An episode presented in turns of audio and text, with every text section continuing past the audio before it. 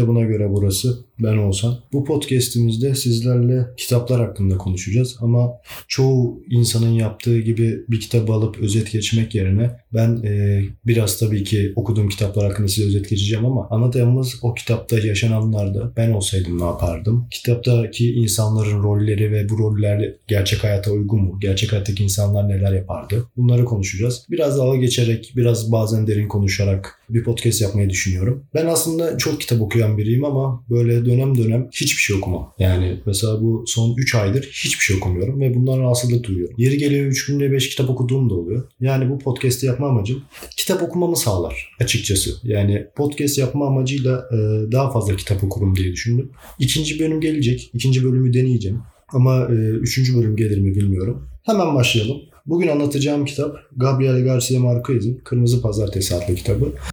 Kendimi daha fazla tanıtmayacağım. Zaten karakterler hakkında konuşurken ben olsaydım ne yapardım kısımlarında e, benim düşünce tarzımı ve beni daha iyi tanıyacağınızı düşünüyorum. Bu hafta Gabriel Garcia Marquez'in e, Kırmızı Pazartesi adlı kitabını okudum. Sırf bu podcast'i çekmek için. Yani gerçekten podcast bir işe yaradı. Aslında bu kitabı daha önce de okumuştum ama lise yıllarında okuduğum için gerçekten bölük pörç katılıyordum. O yüzden tekrar okumak istedim. Sevdiğim bir kitaptı. Kitap 110 sayfa aralığında günde 10 dakika bile ayırsanız 3-4 günde bitecek bir kitap. Çünkü hem sürükleyici hem de gerçekten çok kısa bir kitap. Ee, hemen konumuza geçersek e, kısa bir özet geçiyorum. Bize olay örgüsünü, hikayeyi anlatan kişi e, Marquez. Bu Marquez bir e, kasabada yaşıyor, bir sahil kasabasında yaşıyor ve hikayede bir düğünün ertesi gününde başlıyor. Bizim ana karakterimiz de Santiago Nasar. 21 yaşında, ince, uzun, neşeli bir adam. E, dönemin zenginlerinden çünkü babası bu genç yaştayken daha çocukken vefat ettiği için tüm babasının tüm serveti e, Santiago Nasar'a kaldı. Ve tabii ki e, her genç gibi ve maddi olarak olanakları çok olan her genç gibi biraz da çapkın. Bu arada e, kent Kolombiya'da ama Santiago Nasar Arap konunun ırklarla hiçbir alakası yok ama kitapta şöyle geçiyor. Dönemin zengin Araplarını göçtüğünde Kolombiya'ya bunlara Türk deniyor. Kitapta böyle bir ayrıntı var. Bunu sizinle paylaşmak istedim.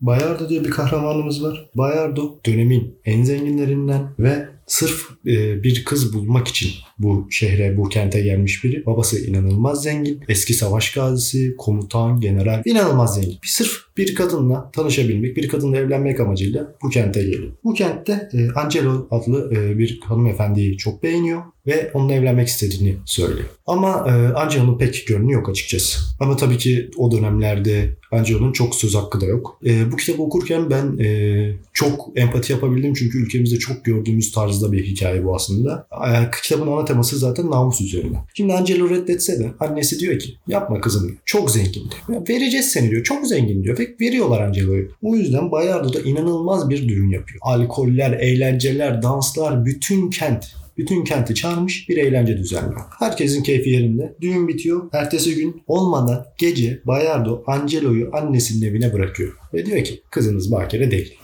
Hop. Şimdi Angelo'nun annesi bunu duydu mu? Kızı çok güzel dövüyor. Sabaha kadar dövüyor. Ve bu kızın iki tane abisi var. Bunlar ikiz kardeş Pedro ve Pablo. Bunlar da geliyor. Diyor ki ne oluyor? İşte kardeşiniz Bahire'deymiş geri geldi. İşte Bayar da onu bıraktı falan filan. Tabii bunlar deliriyor. Ve diyor ki kim olduğunu bize söyle. Şimdi şöyle bir şey var. Angelo Santiago Nasa'nın ismini veriyor.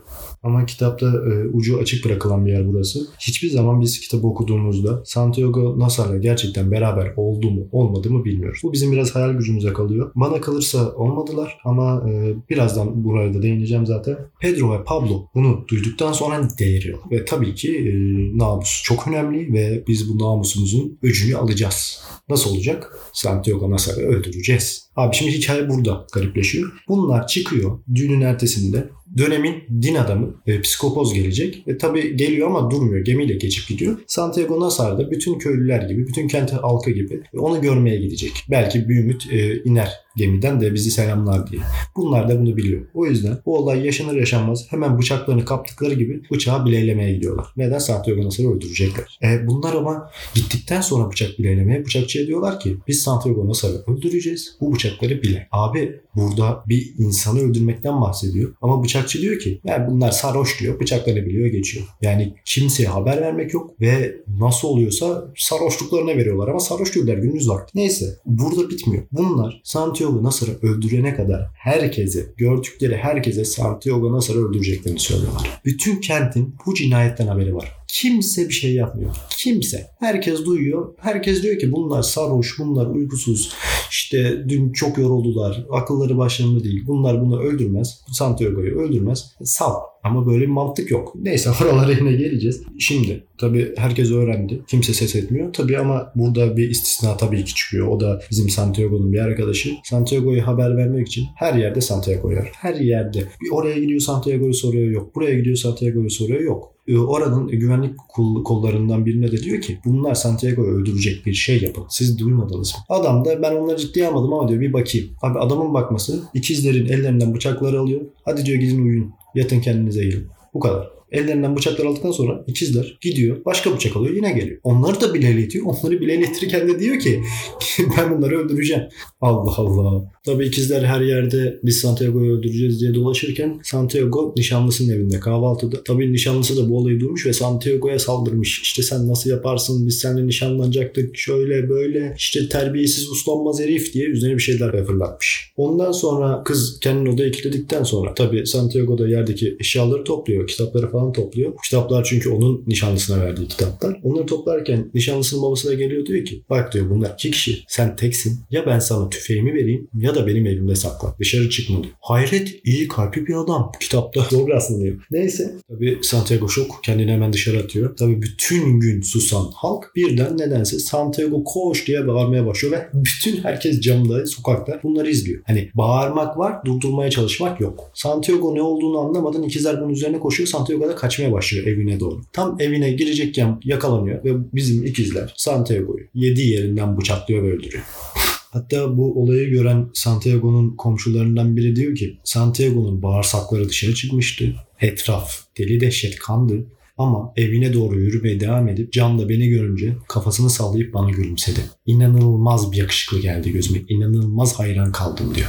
Tabii şu buradan şunu anlıyoruz ki güçlü olmak her zaman etkileyicidir. Tabii bu ölümden sonra e, ikizlere doğru düzgün hiçbir şey olmuyor. Çünkü namus için bunu yaptılar. Santiago öldüğüyle kalıyor. Ve yani Bayardo ile en başta evlenmek istemeyen Angelo 16 yıl boyunca Bayardo'ya mektup yolluyor. Aşk mektupları. Bunun arasında cinsel istekleri, cinsel arzularına dayanan mektuplardan tutun küfür, kıyamet, nefret duygularını anlatan sadece e, aşk duygularını anlatmaya çalışan mektuplar 16 yıl boyunca bunları anlatıyor mektuplarda. Sevmediği insana birden Santiago öldükten sonra bir aşk. Bayardo 16 yıl sonra mektupları açmamış bir şekilde Angelo'nun yanına gidiyor. Ha geldim ne oldu diyor. Kitap da burada bitiyor. Bizim Santiago öldüğüyle kaldı yani. Kitap bu kadar ama kitapta benim çok hoşuma giden bir kısım var. Santiago'nun e, çapkın olduğunu size söylemiştim en başta. Bir tane dönemin o dönemin hayat kadınıyla e, bir aşk yaşıyor Santiago daha küçükken. E, ve o kadın bir hayat kadının dediği bir cümle benim inanılmaz hoşuma gitti. Sizle paylaşmak istiyorum. Ama her şeyin üstünde de hayatta hiçbir yerin boş bir yatak kadar hüzünlü olmayacağını söylemişti gerçekten üzerine düşünülmesi gereken bir söz.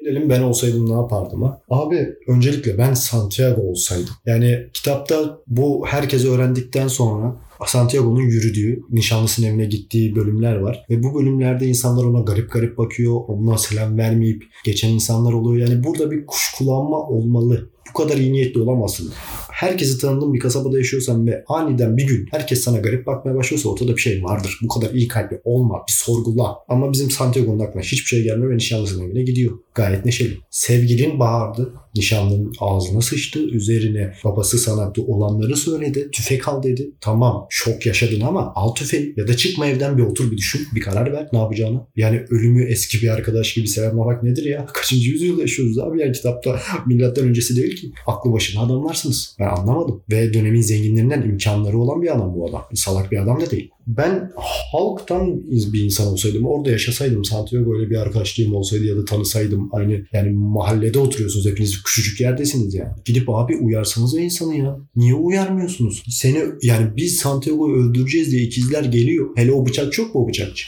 O güvenlik amiri adam gidin yatın diyor ya.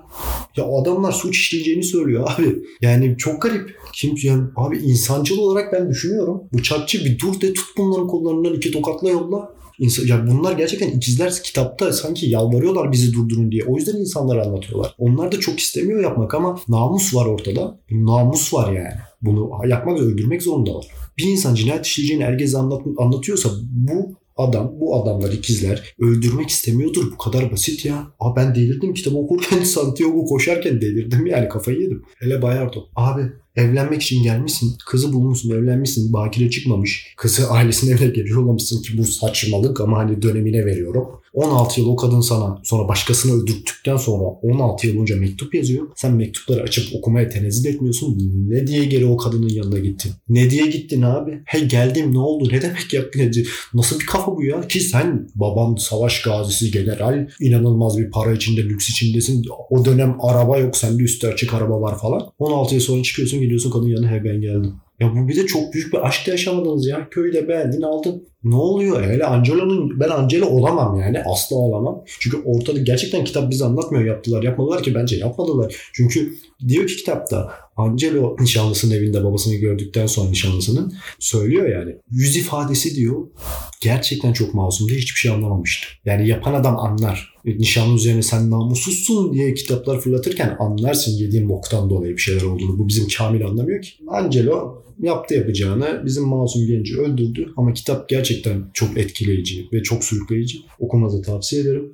Bugünlük benden bu kadar. Dediğim gibi ikinci bölüm gelecek. Üçüncü bölüm, dördüncü bölüm olur mu bilmiyorum. Ama podcast çekmek için kitap okumak bana iyi geldi. Şey tribine de girmiyorum. Abi bizim ülkede kitap okunmuyor. Ben o yüzden podcast çekeyim. İşte marjinal olayım. Kitap kitap kitap. Okumadığım kitaplar hakkında konuşmalar falan değil abi. Yani ben kitap okumak bana oldum olası iyi gelmiştir. İnanılmaz derecede kitap okumuşluğum ömrümde yok. Tabii ki okuyorum düzenli olarak ama dediğim gibi bazen 3 günde 5 kitap okuduğum oluyor. Bazen 3-4 ay bir kitap sayfası bile açmıyorum. O yüzden yani bu podcast yapmak için bu kitabı okumak bile bana gerçekten iyi geldi. Beni dinlediğiniz için teşekkür ederim. Görüşmek üzere.